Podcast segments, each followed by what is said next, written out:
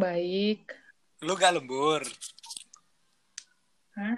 Gak Ini gue lembur. depan laptop. Oh, lu lembur? Depan laptop gue. Tapi nggak ini sih. Kayak nungguin gitu. Aduh, Terus- maaf ganggu ya. Sibuk banget sih. Enggak, jadi gue sekalian ngobrol-ngobrol. Oke. Gue sendiri kan.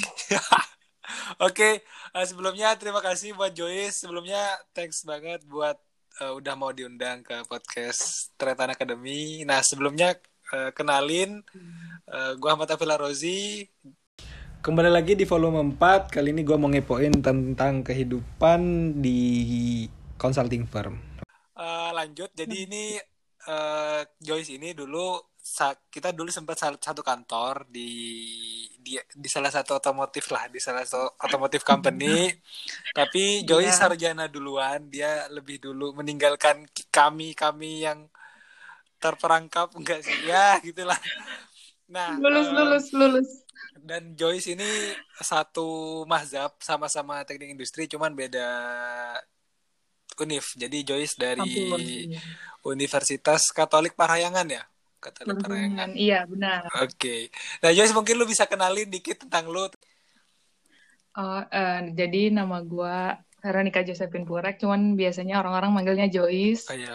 Eh, sekarang sih kesibukannya ya bekerja di tengah pandemi ini ya, Eh, lu bekerja dari rumah. Oh, lu Eva sampai kapan?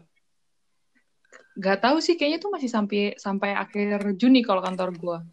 Akhir Juni dari Maret. Dari Maret, dari, Maret. 16 Maret. Heeh. Oke. Itu lu belum ada tanda-tanda nih.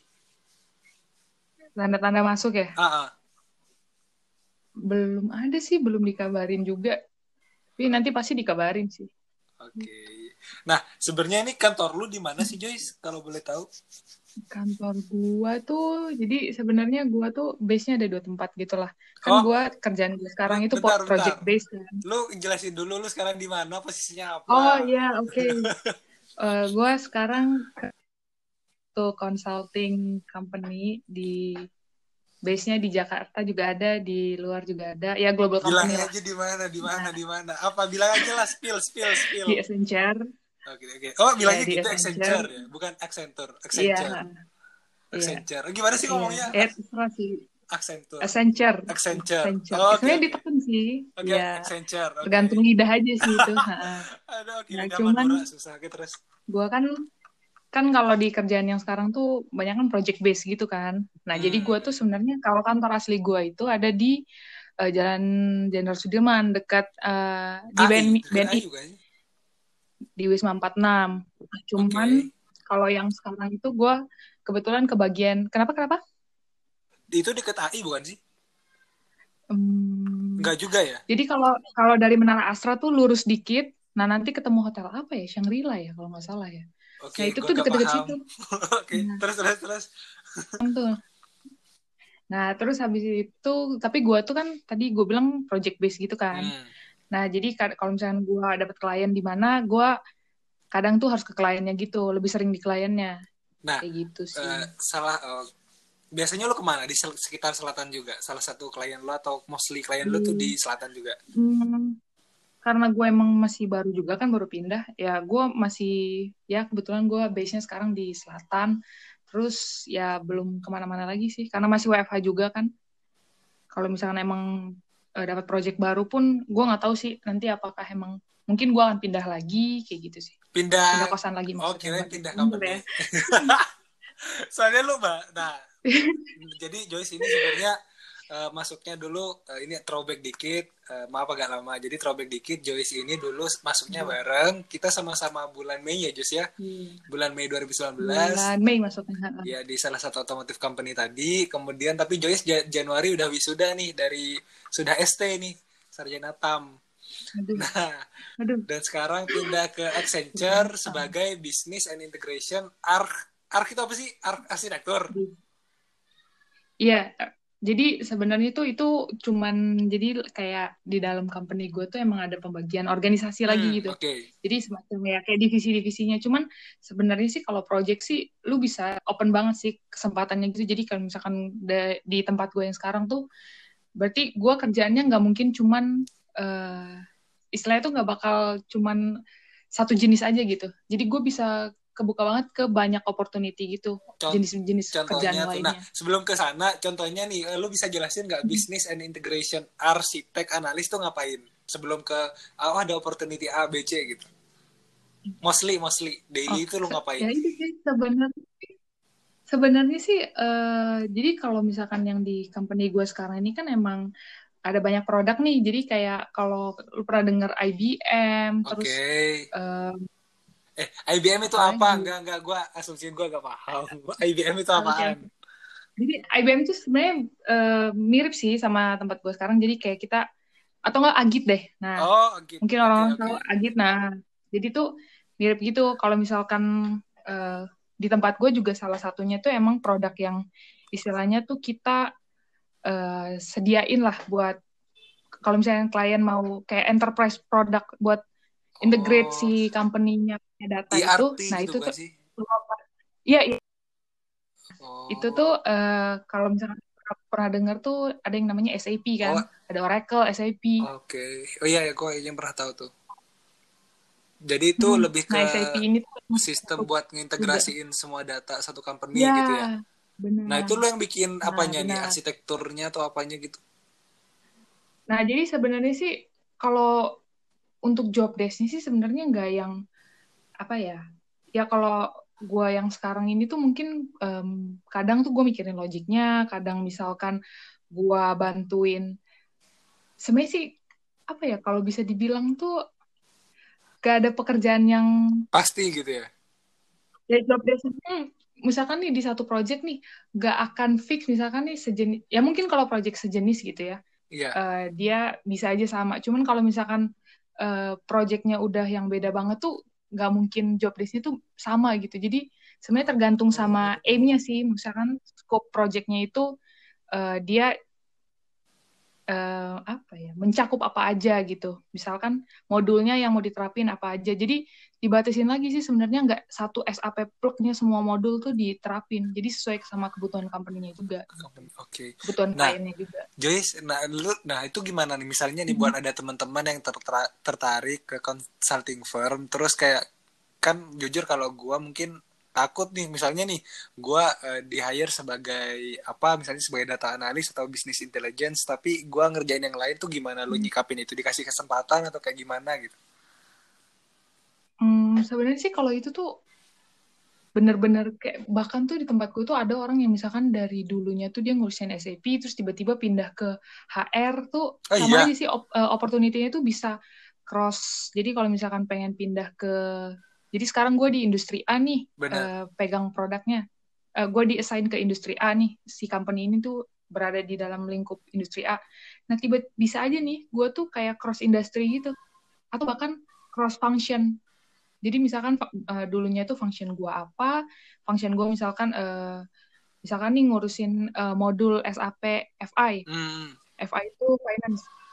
Nah, bisa aja nih nanti tiba-tiba gua ke SAP yang modul yang uh, HR gitu. Oh. Atau enggak, bahkan bisa pindah nih produknya, bukan SAP lagi, tapi misalkan ke yang apa gitu. Nah, itu lu kalau mau pindah tuh kayak ujuk-ujuk bisa kayak eh gue bosen nih gue pindah atau kayak harus ada kayak pre-request site atau pre-requirement atau gimana gitu.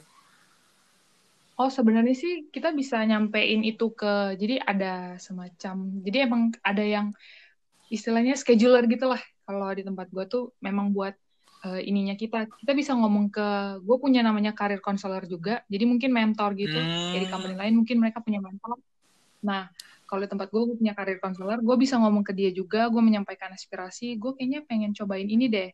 Nah, nanti kalau misalnya memang ada istilahnya demand gitu yang sesuai, nah itu bisa desain ke sana. Oh, wah itu wah keren banget. kalau di kita kan, oke oke oke, gak gue gak ngomong ngomong oke. Terus, nah lanjut lagi nih ke pertanyaan kedua Joyce. Jadi mm-hmm. kan kalau di kita, maksud gue dulu waktu di Toyota juga jadi kan kita tuh ada semacam yeah. problem sol problem solver culture lah atau apa ya bilangnya. Kan kalau kita ada TBP, ada Toyota Way, maksudnya gimana sih cara kita nyelesain masalah tapi dari sudut pandang Toyota. Nah, kalau di Accenture itu ada nggak? Hmm, sebenarnya sih ya kalau hmm. di tempat gue tuh kalau toolsnya tuh gue belum yang kayak pro banget gitu loh soalnya tuh? tuh kadang tuh yang emang bikin misalkan si apa ya ya gue paham juga cuman biasanya itu yang udah levelnya udah up lah udah bos-bos lah gitu tuh yang biasanya kan present ke klien juga soalnya hmm. memang istilahnya kan kita yang kita jual itu service kan jadi yep. emang emang kalau di tempat gue sih emang kayak nggak nggak main-main gitu sih jadi kayak oh. beneran kayak kalau misalkan ada klien gitu ya, sebenarnya kita dikasih kesempatan juga. Cuman kalau misalnya emang kita confident kalau kita bisa lakuin ya bisa dikasih kesempatan. Cuman ya kalau misalkan memang kalau gue ini kan baru berapa bulan juga kan. Benar-benar. Nah itu tuh yang kayak deck buat presentationnya gitu kan pasti uh, yang udah lebih senior kayak gitu. Oke, okay. nggak maksud gue ada nggak semacam metode hmm. yang dia tuh dipakai kayak kayak, kayak entah value maksudnya Accenture ini punya value ji ini maksudnya yang dalam tool spesifik itu kan sebenarnya Iya benar, tapi lebih kayak yang benang merahnya gitu loh Joyce. Ada nggak? Tapi kalau ya udah ya sebenarnya nggak ada tool khusus, tapi uh, kita tergantung problemnya atau gimana.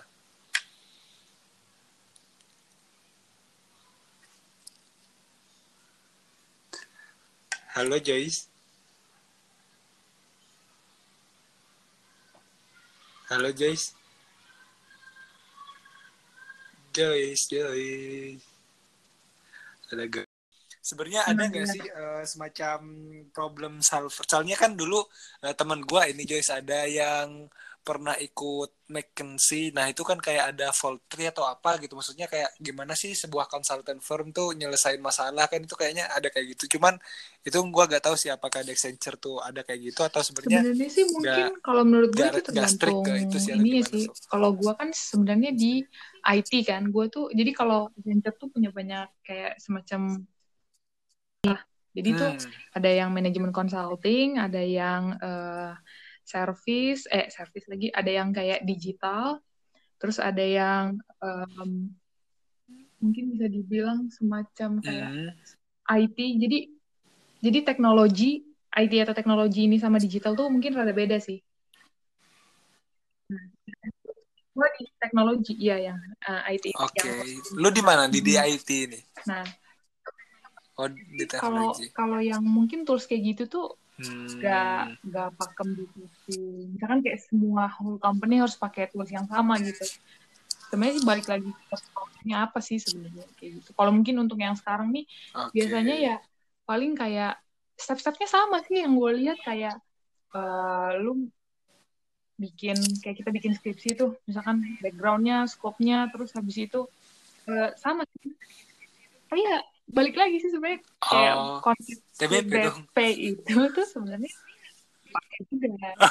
Beneran konsep TBP itu sebenarnya dipakai juga buat istilahnya tuh uh, pola pikirnya. Jadi gimana sih cara kita hmm, tapi nggak nggak kan kalau misalnya kita di pola pikirnya yang, ya. yang Toyota ya aduh. Itu kan harus put in one paper terus habis itu kan kayak gitu kan cara mainnya nah ini tuh oh. nggak nggak maksudnya kayak lu nggak harus Kalau di satu paper gitu nggak jadi bisa karena itu jadinya PPT biasa sih mungkin oh. yang kalau menurut gue sih di Toyota tuh agak unik sih culture-nya gitu dengan paper itu sebenarnya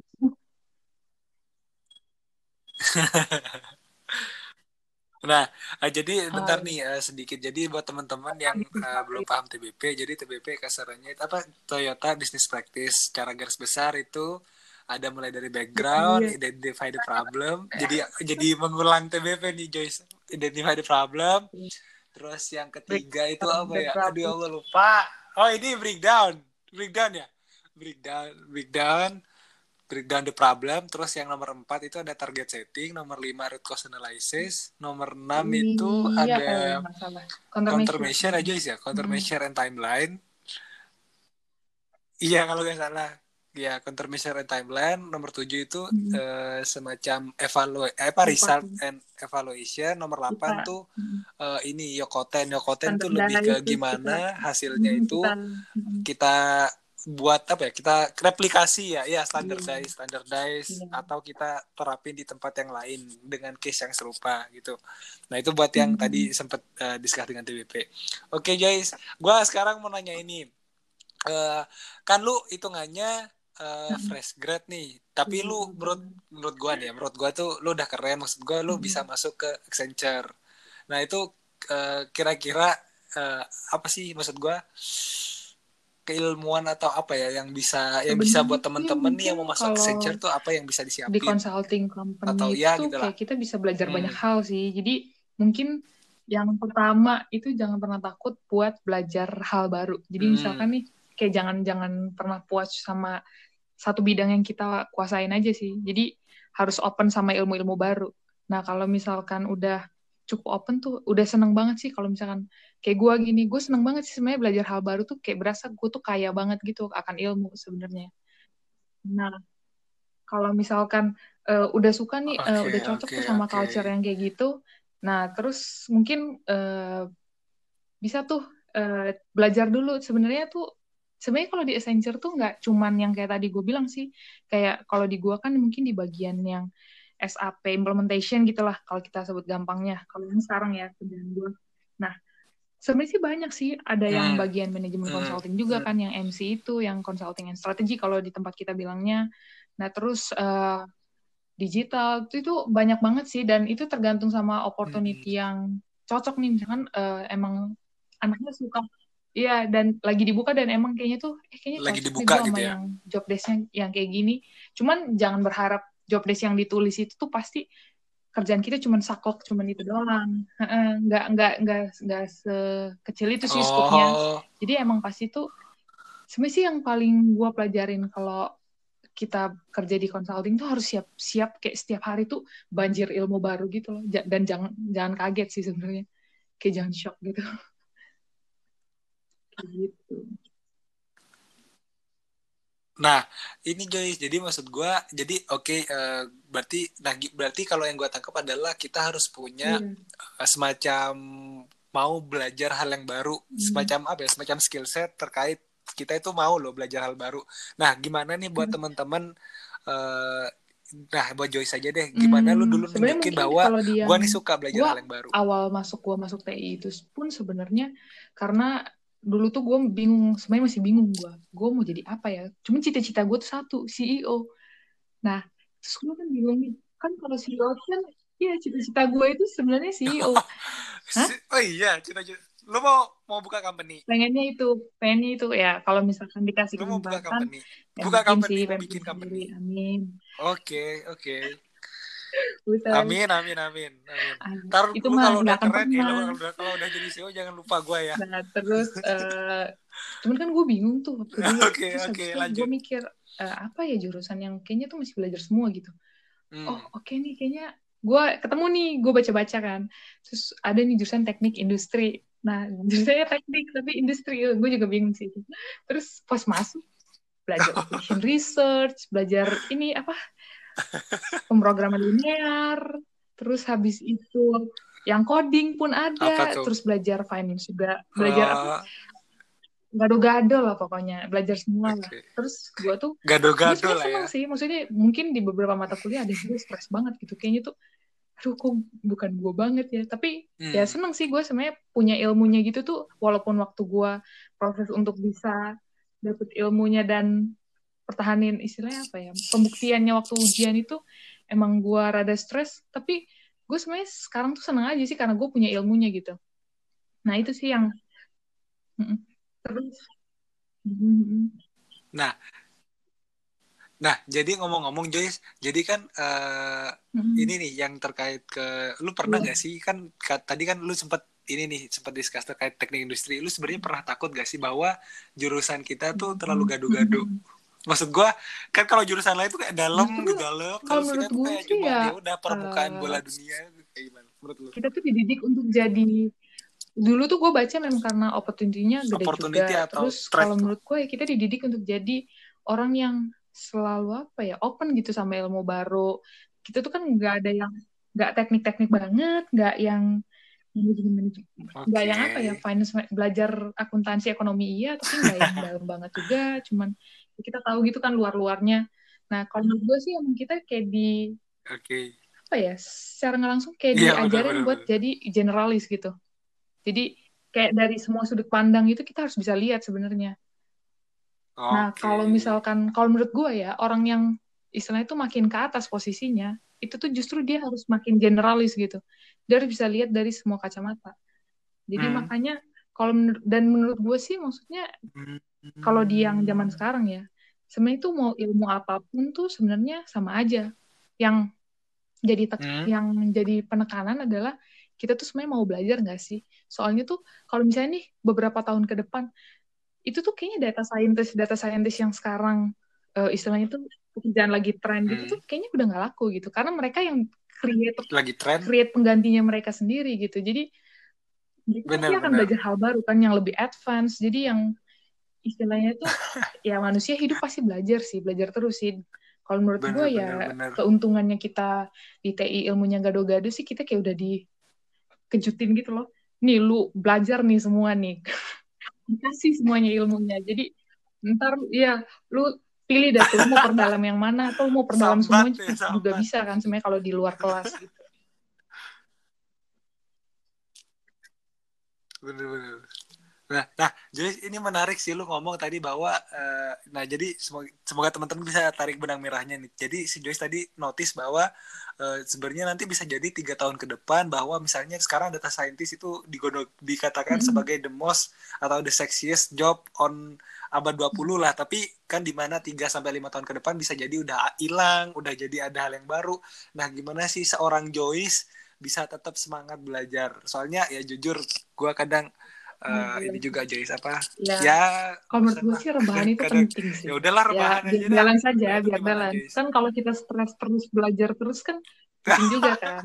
Cuman ya saat gue terlalu kelamaan rebahan pasti gue mulai gelisah sih. Kok gue kayaknya nggak produktif ya? Iya, iya bener kok gue kayaknya nggak produktif ya Rasa bersalah oke okay, gitu gue mulai melakukan sesuatu entah iya, bener, baca bener, artikel bener, bener, lah atau gue baca berita-berita yang oh, baca berita itu termasuk istilahnya apa ya membuka wawasan aja gitu tentang apa yang terjadi di luar hmm. jadi gue mulai baca berita jadi HP gue tuh bukan cuma buat Instagram doang gitu, ya? gitu. gue baca CNBC hmm. CNN kayak gitu-gitu sih jadi kalau belajar tuh menurut gue nggak yang harus nah, kayak lu misalkan nih uh, how to uh, write code in Python language gitu atau iya nggak nggak nggak. Kalau belajar tipe gue tuh ya kita tahu informasi oh, di luar iya. sana yang lagi lagi beredar tuh apa gitu heeh. Gitu sih. Hype gitu ya. Hmm, nah ini uh, sebenarnya sebenarnya udah agak terlalu luas sih. Cuman gue mau pertanyaan sedikit uh -uh terakhir terkait ini Joyce terkait yang belajar ilmu baru. Jadi sebenarnya kemarin tuh gue sempat ini Joyce gue sempat sharing juga nih gue sharing juga ke teman-teman. Jadi kemarin tuh gue sempat hmm. bahas di Twitter terkait toxic positivity. Jadi uh, di sana hmm. tuh gue share terkait kita tuh nggak harus loh selamanya belajar. Maksudnya gak harus selamanya hmm. itu harus jadi yang terbaik, harus epic, harus keren lah. Dan itu ternyata uh, di retweet sampai lebih dari dua ribu. kagak kagak. Jadi cuman cuman waktu itu tuh emang menurut gue gue tuh capek Joy sama diri gue sendiri yang resah. Gara-gara gue tuh nggak belajar uh, pas hari Sabtu. Bukan nggak belajar nggak buka coding atau baca buku. Padahal itu hari Sabtu gitu loh. Padahal kan ya udah kan libur kan gitu maksud gue jadi uh, jadi menurut gue buat teman-teman yang nonton Netflix hmm. atau uh, main Mobile Legend atau apa pun itu mengejalin hobinya touring uh, misalnya itu emang bisa apa ya bisa healing lah itu menurut gue nggak apa-apa mm-hmm. sih buat sementara waktu soalnya nanti pasti ada perasaan bersalah nggak sih Joyce terus mm-hmm. baru deh bisa ngejar mimpi lagi kalau menurut gue kayak gitu sih nah Joyce uh, next nih uh, jenjang karir di consulting firm itu kayak gimana? Soalnya jujur ini gue paling nggak paham sih jenjang karir Sebenarnya di tuh kalau kan, makin kan, ke atas uh, itu tuh apa kayak gimana? Apa kayak gimana makin tuh? ini sih posisinya tadi jadi makin generalis. Kalau di company-company yang uh, ada juga mungkin kan kalau orang makin ke atas, gue gue ngelihat secara umum ya mungkin CEO tuh orang yang istilahnya kan pasti kayak lu kalau misalnya mau deal sama company hmm, mana hmm. untuk uh, collaboration itu kan pasti si si bosnya kan yang istilahnya yang tanda sah gitu atau enggak yang Hmm. nego eh, bukan nego sih. Yang ya iya benar bisa mutusin ya. yang kalau misalnya dia mau nawarin produknya ke kolaborasi tadi tuh misalnya dia nawarin produknya ke company lain kan pasti yang approach duluan mungkin bisa aja dari atasnya juga kan. Nah sebenarnya makin makin ke atas itu tuh pekerjaannya tuh kalau menurut gue tuh benar makin bisa. ini sih malah bertanggung jawabnya tuh untuk gimana sih caranya biar produk yang kita punya itu bukan kita punya sih yang kita tawarin bersama bersama dengan implementasinya. Jadi kayak Hmm. istilahnya apa ya one stop solution mungkin ya. Jadi tuh itu tuh di, dipakai dibeli gitu sama si eh, kliennya. Jadi dan Hmm. itu tuh memang bisa membantu bisnisnya. Jadi tuh istilahnya tuh bos-bos makin ke atas itu ya. Eh, jenjang karir itu mirip sih sama tempat lu cuman tempat lu. Sama company Hmm. lainnya. Sama kan sama company lainnya tuh jenjang karirnya mirip ada manager tempat ada dulu spesialis ada tempat gua. senior analyst.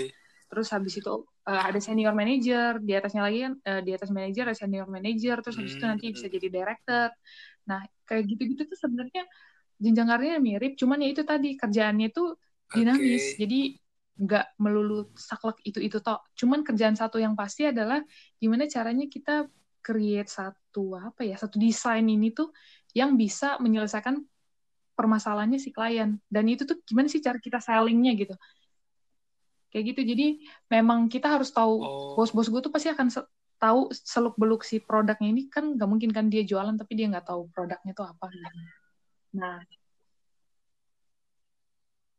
Oh, jadi mungkin emang dari bawah dulu sih ya. Jadi nanti kayak kasarannya tuh bos iya lu yang ngegarap semacam kerangka rumahnya. Misalnya lu mau jualan rumah, lu lu in bisa. charge buat kamar benar mandi benar atau lu in charge gitu. buat dapur, tapi bos lu yang bikin gitu. kerangka rumahnya gitu ya. nah.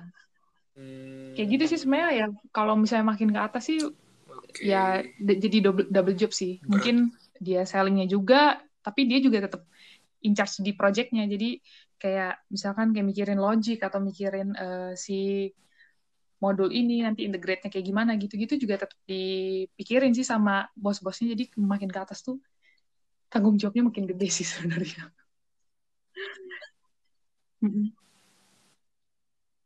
Hmm. Nah, Joyce, kalau di project lu tuh ada ini nggak sih? Soalnya ini, nah ini sebenarnya eh, agak berat sih. Soalnya kan kalau di kita quality assurance-nya lah. Kalau dari di tempat kita kan tempat kita, tempat Mm-mm. gua dan tempat lu yang dulu kan Mm-mm. langsung atasan kita tuh yang ngecek Joyce ini kayaknya salah, ini formattingnya kayaknya nggak gini. Nah, atau eh, ini kayaknya perlu ditambahin. Nah, kalau di tempat lu tuh gimana? Ada tim quality quality assurance assurance-nya atau bos lu langsung dari yang turun atau sih. gimana? Jadi gue tuh kerjanya emang berdasarkan standar yang ada gitu. Dan eh, nanti tuh bakal jadi misalkan nih eh, step-step jadi step-stepnya tuh emang Gimana tuh standar yang eh, ada udah tuh? dipikirin nanti di dibakuin dulu. Nah nanti dicek nih stepnya sama si bos gue misalkan. Hmm. nah apakah misalkan nih stepnya dari gue nih? Eh, gue mikir oh harusnya jalannya kayak gini gini gini gini gini. Nah Hmm. nanti tuh eh, jadi dua arah. Jadi gue propose ini ke bos gue dan kita langsung bahas gitu. Ini kayaknya mungkin bos gue mikirnya oh ini kayaknya bisa deh eh, integrate. Misalkan pakai cara gue Hmm. pakai cara A lebih singkatnya pakai cara B gitu.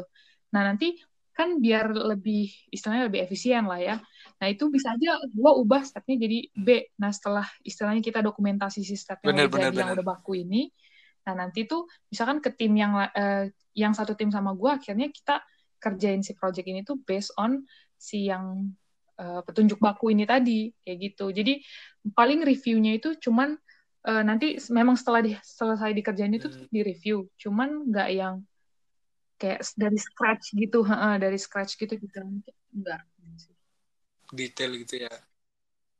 Oh, oke, Tap- oke, oke, oke. Nah itu sebenarnya soalnya kan eh, di mana kan ini maksudnya maksud gua Mhm. adalah ketika lo di company lu dulu atau di company gua sekarang kan emang kita misalnya biasanya buat internal kan konsumnya, sedangkan lu Iya, sekarang tuh nah. konsumnya tuh emang eksternal. Oh. Maksud gua lu tanggung jawabnya lebih gede gitu sih. Gua iya sempat ngeri sih kalau juga itu nggak sih maksud dari gua masalah dari orang awal ya lain gitu yang itu udah ditekenin jasa sih lu. kita tuh eh, kerjanya maksudnya kita tuh Hmm. pegang misalkan sekecil masalah pegang data klien aja itu tuh emang nggak boleh sembarang sih kalau di tempat gue tuh ada prosedurnya jadi emang keamanan klien tuh istilahnya nomor satu lah kalau di tempat gue jadi eh, nggak ya keamanan klien terus waktu kita running si Klien. projectnya itu eh, apakah emang harus harus istilahnya ya? nggak boleh sampai salah sih sebenarnya jadi emang layer-layer yang dipersiapin buat deteksi kesalahan ini tuh banyak Hmm. banget sih sebenarnya kayak gitu dan itu dilakuin step by step bukan pas gue udah selesai semua Oke, terus di oke. full di belakang gitu ya. terus kalau misalnya revisi revisi besar-besaran kayak gitu enggak sih Oh. Oke, jadi Hmm, eh, di, ya mungkin dikerjain ya satu step, ini dicek, satu step satu step, step mungkin dicek gitu ya. step Nah, gitu yang masih bisa inline gitu nanti step, mungkin barengan ini beberapa satu gitu. prosesnya oke, nanti oke. dicek gitu gitu sih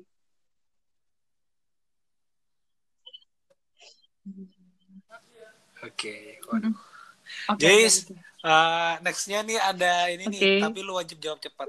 Wajib jawab cepat. Ada tiga pertanyaan. Oke Siap. Lu harus wajib jawab cepat dan jujur. Oke. work Yang work pertama, balance work life balance atau work work balance? work work balance. Oke. Kemudian yang B politik, politik kantor, politik toksik? kantor Cepetan. Oke. batu Dan loncatan terakhir batu loncatan atau berjuang sampai akhir. Oke, yang pertama work work balance Hmm. itu emang eh, nggak nggak sel 9 to 5 itu mitos di tuh sebenarnya tuh company. kalau load kerjanya tuh nggak yang rata gitu setiap hari jadi tuh kadang tuh ada masa-masa peaknya yang gua ya gitulah sampai jam berapa gitu misalkan tapi ada masa-masanya ya jam itu ini kayak sih lu? masa istirahat gitu kayak half time Oke. gitu Istirahat lu tuh kayak gimana? Soalnya jangan-jangan Enggak, istirahat lu tuh ya ini ya ya kayak kita misalkan kerja nih, eh, biasa. Gimana tuh pagi istirahat gua lu? kerja pagi gua kerja eh terus kadang tuh siang jam 2 tuh udah gak ada kerjaan gua jadi Hmm. udah kayak gitu jadi sebenarnya tuh tergantung pace kerjanya sih Oke. Nah, itu itu bentar. Itu lu sistemnya sistemnya Oh, ini Joyce kalau eh, di 9 to gue 5 itu atau sebenarnya asal absen di aja atau gimana lainnya kalau juga, di ya Accenture? isi ada namanya tuh kayak kita tuh ngisi semacam apa ya my TI gitu kalau di tempat gue tuh jadi lu tuh em, gimana ya jadi kayak absensi lu itu tuh lu yang masukin sendiri dan itu emang kayak Gimana dimasukinnya yo? tuh ya rata-rata 8 jam sehari bukan rata-rata sih emang pasti 8 jam sehari jadi tuh mm-mm, jadi tuh Oh, kayak kita masukinnya 8 jam sehari tapi kan emang pasti. eh, impact-nya tuh sebenarnya bisa aja lebih bisa aja kurang gitu bagian besar consulting dan auditor company sih rata-rata kayak gitu sih Oke. Dan itu, itu kayak nanti kita sama bosnya aja jadi misalkan nih kita hari ini kerja sampai Hmm, malam nih Nah, itu nah besok tuh bisa aja itu kita startnya siang jadi ya itu kita sama-sama tahu lah gitu Ah. oh. Nah, maksud gua in real real case atau real example-nya itu maksud gua oke gua hari ini submit kayak di Google Form atau gimana. Jam misalnya jam 08.00 nanti gua waktu mau pulang 17.00 oh submit lagi atau direkturnya gimana? kayak dua kali tiap bulan Atau gitu? beda atau ya udahlah nanti jadi kayak di pertengahan atau bulan sama akhir bulan gitu. Apanya? Oh, kan gue ngisinya cuma pasti pasti 8 jam. Emang lu ingat? 8 jam 8 jam 8 jam gitu. Maksud ma- lebih atau ya Oh. Oh, mungkin tapi di faktanya bisa jadi Iya. eh, sampai Jadi malam, ya, bisa jadi nanti sama jam bos 2 gua ya siang udah kelar gitu ya. kita saling memahami lah gitu Oke. Heeh. Nah, porsi porsi porsi kan lu tadi ngomong work work balance porsi Joyce eh, 0 sampai 100% porsi lu lebih dari 8 Mm-mm. jam. Biar ini biar, biar jadi gambaran sih. Soalnya kan kalau di dari gua pribadi work apa di Wah. consulting firm nih pasti Hmm, ya lembur tuh adalah di sebuah new normal. Hmm. Nah, em, eh, 0 sampai Ya. 100%. 70 70 lah 70 lah 80 kayaknya ekstrim banget gue gak sering itu sih sebenarnya Ya, 80. 70 70 Oke, Iya. 70. Udah. 70 persen. Eh, ya, normal. Tiga puluh persennya itu normal 8 atau jam. less than 8 hours. Normal 8. Oke, nah Hmm. itu buat teman-teman yang tertarik buat consulting firm eh, biar bisa set ekspektasi di awal. Nah, ini Joyce Sebenarnya tuh politik kantor. tuh Kenapa politik gimana ya? kantor daripada teman toksik? gue mending tuh meladeni orang-orang yang membahas politik kantor dan ya udah gue diem aja gitu timbang tuh ada orang yang toksik ngomong di sebelah gue gitu aduh gatel banget. Gatel rasanya soalnya kalau ada orang toksik ngomong sebelah gue terus kayak yang toksiknya ini tuh yang apa ya? Bukan ya ada level-level toksik lah. Maksudnya yang masih bisa gue tolerate itu pasti masih ada. Cuman kalau udah parah banget tuh kadang tuh gue tuh Iya, benar-benar. jadi males gitu loh. Ada di Toleransi kumpulan lah ya. itu jadi kan males bersosialisasi tuh. Sedangkan kan kalau kerja kan kita pasti sama orang kan. Nah gue tuh gue tuh lebih memilih menjauhi Ah. orang toksik timbang kayak gue menjauh, menjauhi Harus topik kalau topik bener-bener. gue diem aja gitu gitu atau enggak ikut bergibah bersama Oh. Oke. iya Lu malah jadi ininya ya, apa sumbunya? Aduh, ya Allah. Joy, nah ini nih. eh tapi gue yakin sih, gak tahu sih. eh, tapi gak tahu. Nah ini sebenarnya kalau di consulting Hmm. firm itu lebih ini gak sih, lebih netral atau gimana tuh? Apalagi sekelas Accenture, I mean Hmm. lebih netral dari segi politik kantor, atau lagi apalagi teman toksik mungkin ya sebenarnya ada atau enggak ji benar-benar di sini tuh ya orang ya sekarang. nyari eh, pengalaman doang atau gimana tuh? Ya enggak, jangan, dong amit amit amit amit Belum ketemu, oke. Atau lu? Oh, enggak, enggak, enggak, Terus enggak, enggak, enggak, enggak. Enggak, enggak, sih sini gue enggak, enggak. yang Oke, terus gue yakin sih kalau di politik kantor, kantor pasti ada politiknya cuman tuh keras atau enggaknya sih dan mungkin karena kita Mungkin- masih baru juga cuman tuh kalau menurut gue pasti ada. Mungkin karena kita masih ini ya. kalau menurut gue sih ya pasti di semua Iya, masih- ada ya, masih politiknya gitu bocah. kayak Ah, kenapa tuh? ya setidak-tidaknya gitu taruhnya mungkin yang kayak ada yang udah keras banget Iya, ada yang mungkin kayak ya, tarafnya mungkin masih ya. membuka kesempatan buat yang lain Iya, Hmm, benar. gitu Ya, wajar lah ya. Ah, Oke, oke. Nah, yang terakhir nih yang berat. Kenapa betul apa ya sebenarnya sih gue kan Accenture loh. gue gue gue pernah cerita gak sih gue tuh pengen S2 sebenarnya iya Oh, lu mau Iya. S2 ya? Oh iya, Cuman teman-teman jadi ya Joyce itu ini mau S2. eh, Oh, kalau misalkan sih, toh setelah S2 misalkan Ya, gimana, nih dapet nih S2-nya terus eh, setelah S2 emang ditakdirkan bekerja di consulting consulting firm lagi ya hayu-hayu aja dan kalau menurut gue sih gue seneng di di company gue yang sekarang karena cul- culture-nya sih jadi tuh emang mendidik orang tuh buat Oh, menerapkan yang namanya komunikasi asertif. Jadi kayak memang kalau kita nggak suka, kita bilang. Kalau kita kesusahan, kita bilang. Kalau misalnya emang kita udah mentok banget, kita bisa bilang nih sama share sama bos kita. Kan kalau misalkan ada, ya gue Wow. nggak tahu sih kalau mungkin company lain di luar sana, kalau misalnya kita udah nge-stuck banget kan, kalau kita ngomong itu malah jadi kesannya, iya jadi lu kan gue kasih kerjaan ini buat lu kelarin, kenapa lu malah gitu. nggak bisa terus tanya gue kan Beban ada tuh gitu yang ya. bos yang kayak gitu tuh cuman kan cuman kan kalau kalau di sini itu justru enggak. Justru tuh Oh. gue sejak awal tuh kayak ditekanin iya. kalian kalau misalnya emang apa-apa ya ada yang kalian bingungin atau kalian merasa stuck escalate gitu. Ngomong ke supervisor ngomong ke bos kayak gitu-gitu sih. Even sampai sele- selevel bos pun itu tuh masih ditekanin Oke. gitu. Jadi nggak boleh. Kalau misalnya level manager nih kan level manager tuh kadang kayak aduh udah kayak sungkan gitu kan harus bisa handle semuanya sendiri. Nggak juga. Kalau misalnya emang udah stuck emang kita tuh kayak kayak saling backupnya tuh emang jalan sih di sini gitu. Hmm, terus habis itu nilai-nilainya tuh ya kalau menurut gue sih gue Support lah ya. sebenarnya apa ya? Cocok sih sebenarnya. Kalau sama culture-nya tuh. Gitu. Wah gila sih. Ya mungkin mungkin kalau yang gue lihat dulu kan nah Joyce dulu ini sempat ini teman-teman sempat bergejolak lah waktu di company yang sebelumnya di company gue yang sekarang. Ya mungkin dari sana lu bisa belajar bahwa iya sih, oh ternyata ada ya. lo company Ya, kayak yang sih. itu jadi lu Tadi sekarang bisa dapat yang kita lain sudah gitu. pernah Maksud gue lu dapat ininya dulu lah dapat worst case-nya dulu tapi ya Hmm. gue menghadapi yang Oke oke. Nah Joyce emang lu udah ada bayangan kenapa kenapa sorry mau ambil Putus, apa tuh putus. S2 MBA atau apa gitu S2-nya atau computer double science atau apa sih gitu? sebenarnya. Cuman ya kita Udah ada bayangan aja. S2? kita melihat ada kesempatannya atau tidak. Mau apa ya Allah double degree? Eh, kalau Belva tuh gue nggak tahu sih. Belva Emang itu bisa? kan Oh ini dia ngambil kayak satu Belva terus itu bukan sih? kayak dia apply ke satu lagi. Jadi kepisah gitu. Nah kalau gue itu di satu uni yang sama dia emang ada program gitu buat double degree. Kayak gitu. Gue ngincer itu sih. Oh. Uni apa tuh? Pengen di mana itu? Oh Nah, pengen negaranya. di mana tuh? Biar biar kita bisa dapat eh, semacam Kampusnya gue malu Ini nih kalau nggak gua, keterima. mimpinya Negaranya aja. Pengen sih di US, pengen di eh, unifnya. Kayaknya di US yang lagi kacau itu. Oh, oke oke negaranya deh. Bidangnya. Nah, sebenarnya sih ini gue lagi. Oh.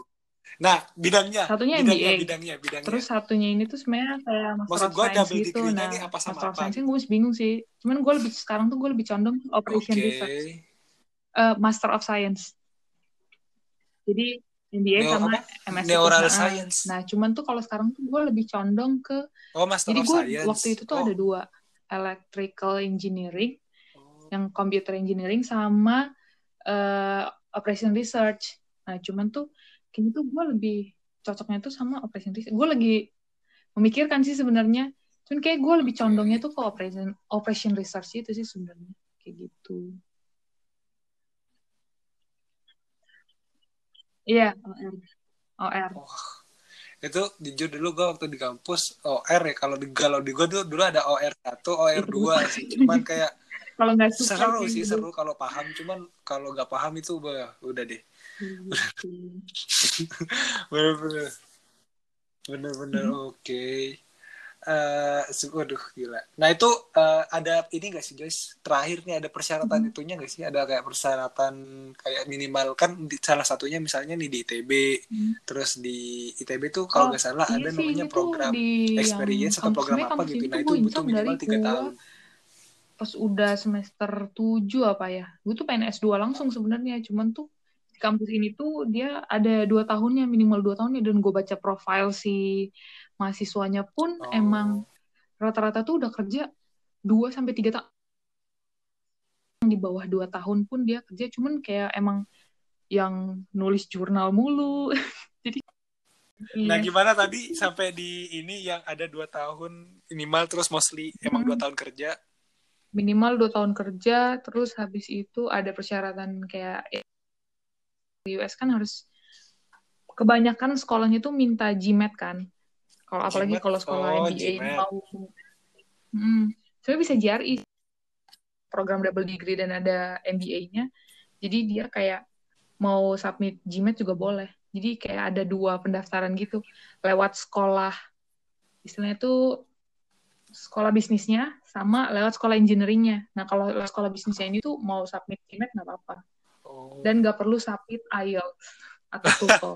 oh iya. kalau misalnya lewat, iya tapi kalau misalkan lewat si sekolah engineeringnya ini tuh eh, perlu submit GRE, terus habis itu harus submit si IELTS atau TOEFL itu.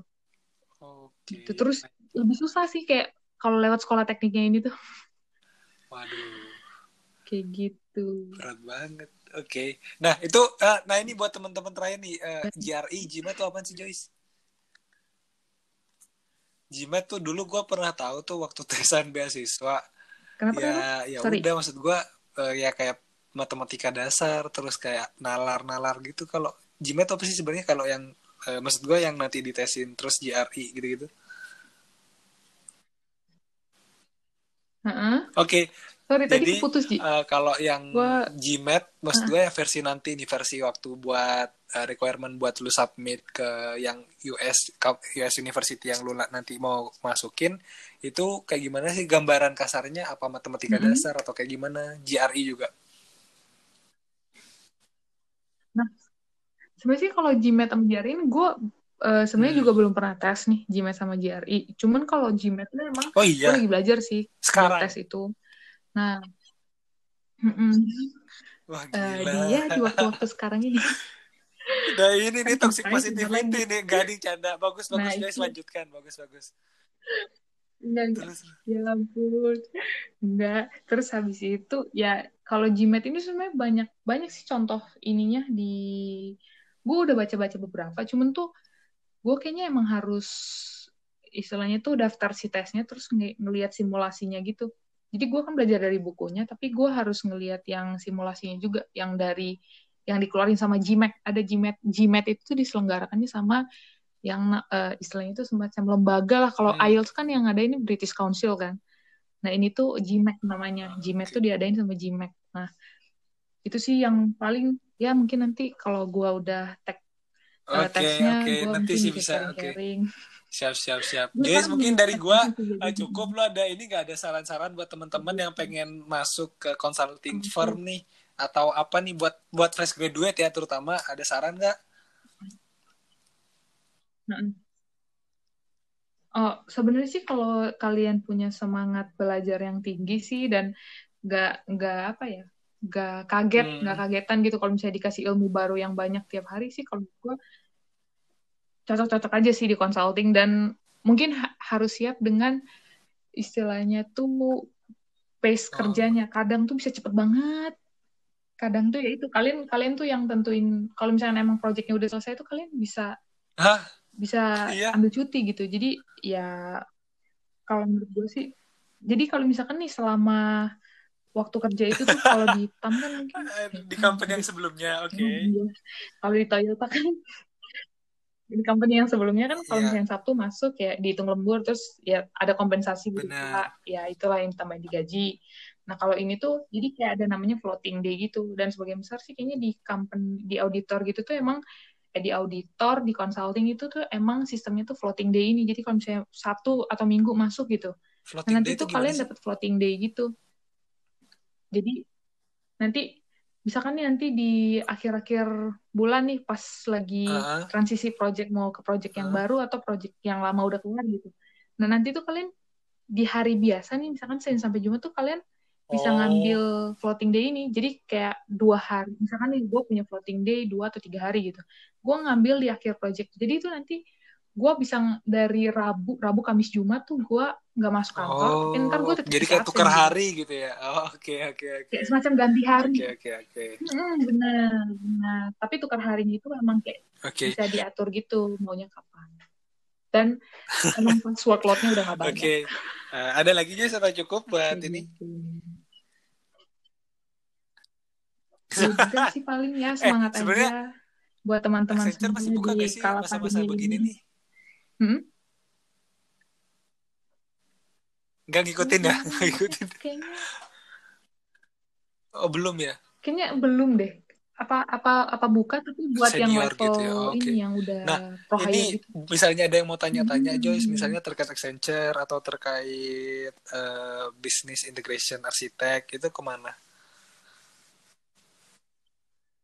Oh, bisa. Uh, ke mana ya ke ke Instagram lu di lock ya? ke, ya Instagram lu di lock bingung ya? juga gue ke WA aduh Instagram boleh DM kan? DM-an Oke, jadi hmm. uh, bisa ke Instagramnya Josephine Purek ya? Josephine Veronica Purek apa? Ada iya. ada Veronicanya gak sih di Instagram lu? Jo, uh, kalau kalau nama di bio gue sih ada, okay, cuman kalau bisa di ditanya-tanya di situ aja, ya. tanya aja nanti uh, kayak gitu. Oke, okay, Joyce makasih banyak waktunya. Maaf banget diganggu malam-malam. Ya, kalau mau tanya-tanya seputar kehidupan Oh iya, Joyce ini masih single loh, terus hobinya juga yeah. touring. Barangkali ada yang mau ngajak touring. oh iya, yang motor udah ada. Oh, iya. Kenapa? Udah, udah bosan? Udah hilang sebelum karena kar bukan bosen sih okay. karena emang gak kepake juga terus iya, kan maintenance-nya tapi tetap jalan kan dan ya udahlah kayaknya udah bukan udah waktunya ya gitu ya saatnya tidak bermain-main lagi jadi oke okay, oke okay. Oke, okay. iya. Joyce makasih banyak. Nanti mungkin gue tanya-tanya lagi nih kenapa kita harus S2 Thank tapi you, mungkin in other day. Thank you Joyce, selamat ah, malam. Iya, siap-siap. Iya.